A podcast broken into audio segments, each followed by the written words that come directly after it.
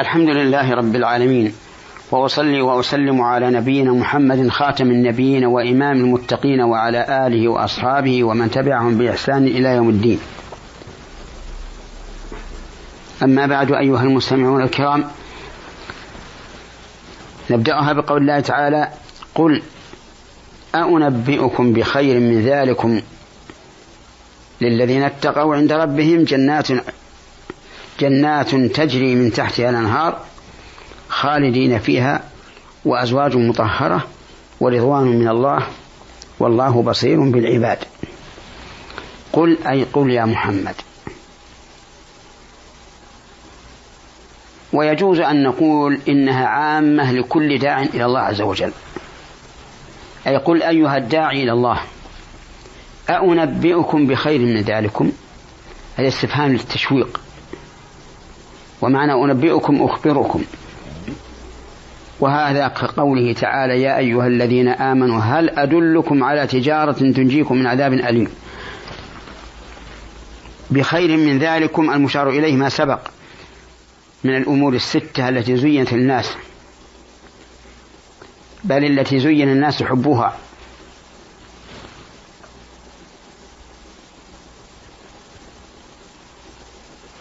وقوله للذين اتقوا عند ربهم هذا بيان هذا موضع بيان الخير. ويجوز أن تقول أن تكون للذين اتقوا عند ربهم متعلقة بخير أي بخير من ذلكم الذين اتقوا عند ربهم وجنات هي بيان ذلك الخير. ولا يختلف المعنى. وقوله للذين اتقوا أي اتقوا محارم الله. وأجمع ما قيل في التقوى أنها توقي عذاب الله تعالى بامتثال أمره واجتناب نهيه على بصيرة.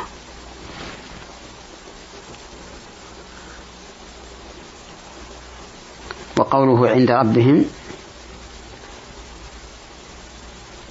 وصف بل خص ربوبيته بهم لأنها ربوبية خاصة أوصلتهم إلى هذا المكان العظيم. جنات عدن تجري من تحتها الأنهار جنات عدن أي جنات إقامة. والمراد بها الجنات التي أعدها الله تعالى لعباده المؤمنين. فيها ما لا عين رأت ولا أذن سمعت ولا خطر على قلب بشر. اللهم اجعلنا من ساكنيها يا رب العالمين. تجري من تحتها الأنهار. أي تسيل. من تحتها أي من تحت قصورها وأشجارها. والأنهار أربعة. ذكر الله تعالى في قوله مثل الجنة التي وعد المتقون فيها أنهار من ماء غير آس وأنهار من لبن لم يتغير طعمه وأنهار من خمر لذة للشاربين وأنهار من عسل مصفى. ولهم فيها من كل الثمرات ومغفرة من ربهم. خالدين فيها أي ماكثين. أبدا. وقد جاء التصريح بالتأبيد في مواضع عديدة من القرآن الكريم. وأزواج مطهرة معطوفة على جنات وخصها بالذكر لأنها ألذ شيء يكون في في الجنة مما مما يتمتع به الناس.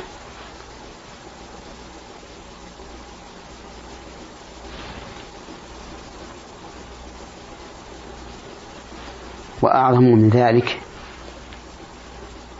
النظر إلى وجه الله الكريم. اللهم لا تحرمنا إياه. مطهرة أي مطهرة من الأقذار والأنجاس فلا بول ولا غائط ولا عرق منتن ولا حيض ولا شيء. ومطهرة أيضا من الكراهية لأزواجهن والبغضاء ومطهرة من النشوز والتكره للزوج وما أشبه ذلك. فهي مطهرة من كل شيء.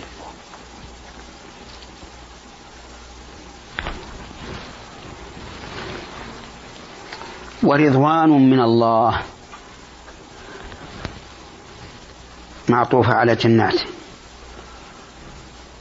أي رضا من الله عز وجل. يحل الله عز وجل عليهم رضاه فلا يسخط عليهم أبدا.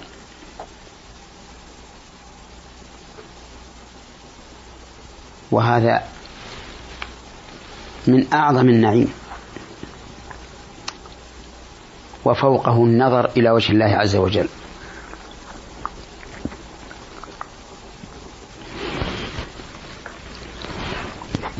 ثم قال تعالى والله بصير بالعباد أي عليم بهم. وبمن يستحق هذا الجزاء ومن لا يستحق. في هذه الآية الكريمة.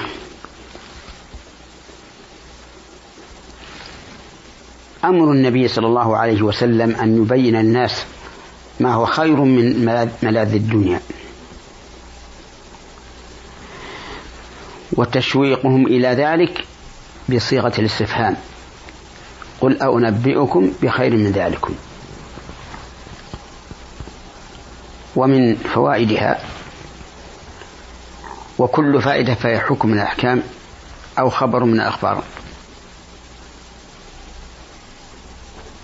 أنه يجوز المقارنة بين شيئين مع بعد ما بينهما.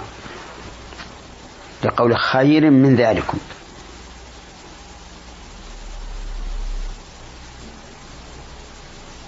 قد قال النبي صلى الله عليه وسلم لموضع صوت أحدكم في الجنة خير من الدنيا وما فيها.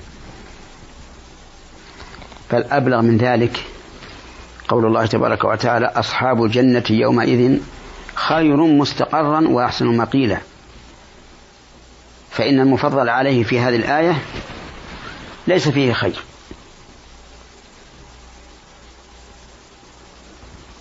لأن معنى الآية أصحاب الجنة يومئذ خير مستقرا من أهل النار. وأهل النار لا خير في مستقرهم أعاذنا الله وإياكم منها. وأبلغ من هذا قول الله تعالى متحديا المشركين آه الله خير أم ما يشركون.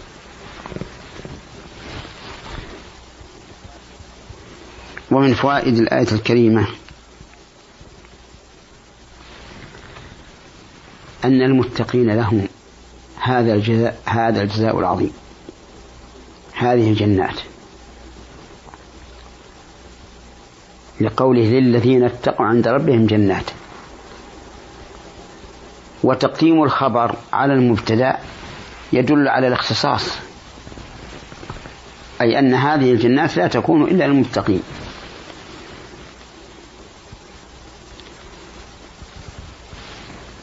ومن فوائد هذه الآية علو منزلة الجنة لقوله تعالى عند ربهم.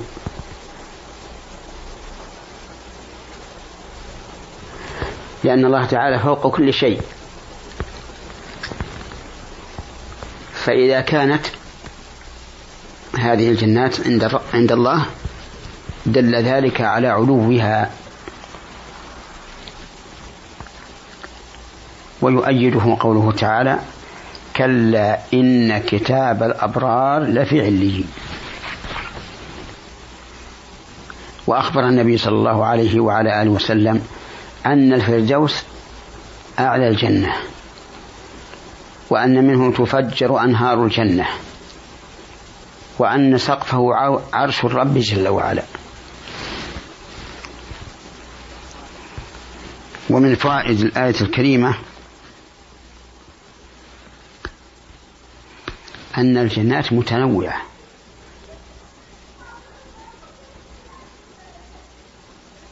لقوله جنات تجري من تحتها الأنهار. وجه هذا أنها جاءت بصيغة الجمع. جنات.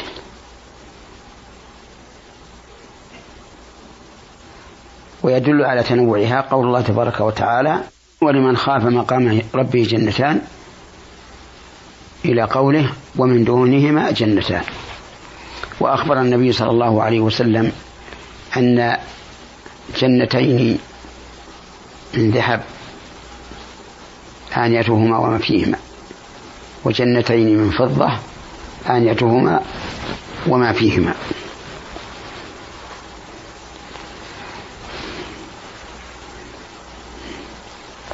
ومن فوائد هذه الآية الكريمة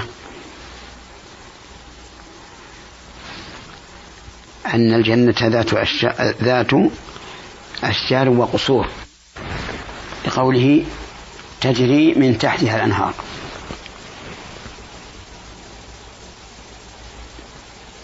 ومنها أن أهل الجنة مخلدون فيها.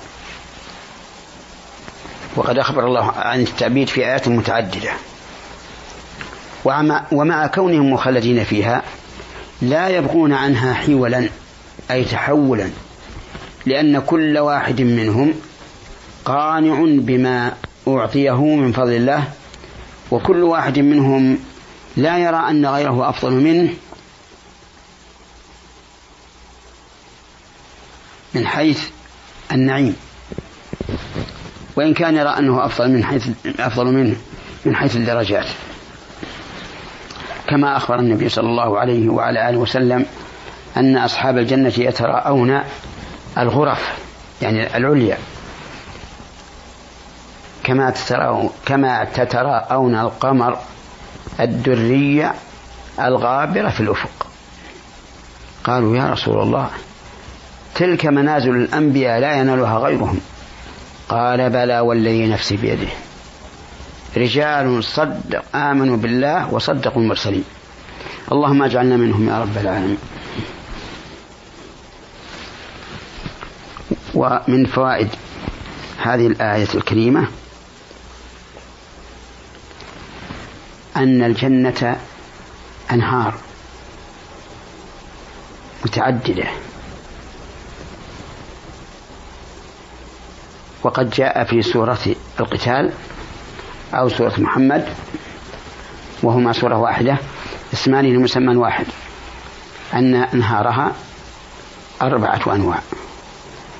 ماء غير آس لبن لم يتغير طعمه خامر لذة للشاربين عسل مصفى. ومن فوائد الآية الكريمة خلود أهل الجنة فيها. والخلود هذا أبدي بإجماع أهل السنة. قال الله تعالى خالدين فيها ما دامت السماوات والأرض إلا ما شاء ربك عطاء غير مجدود غير مقطوع. وإلى هنا ينتهي تنتهي هذه الحلقة وإلى حلقة قادمة إن شاء الله. والسلام عليكم ورحمة الله وبركاته.